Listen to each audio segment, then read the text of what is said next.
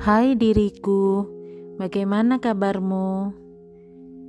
Selalu kuharap engkau baik-baik saja ya, sehat dan kuat.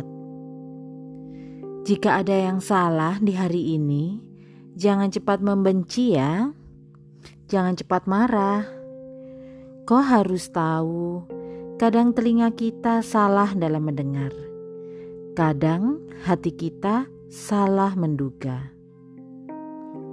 Hai diriku, ada hari di mana kita harus mencari tahu dengan mata kita dan bertanya dengan mulut kita. Beri waktu pada hati dan otak kita bekerja sama untuk memahami situasinya, sehingga tidak ada lagi salah sangka. Hai diriku, terima kasih ya telah baik-baik saja sampai hari ini.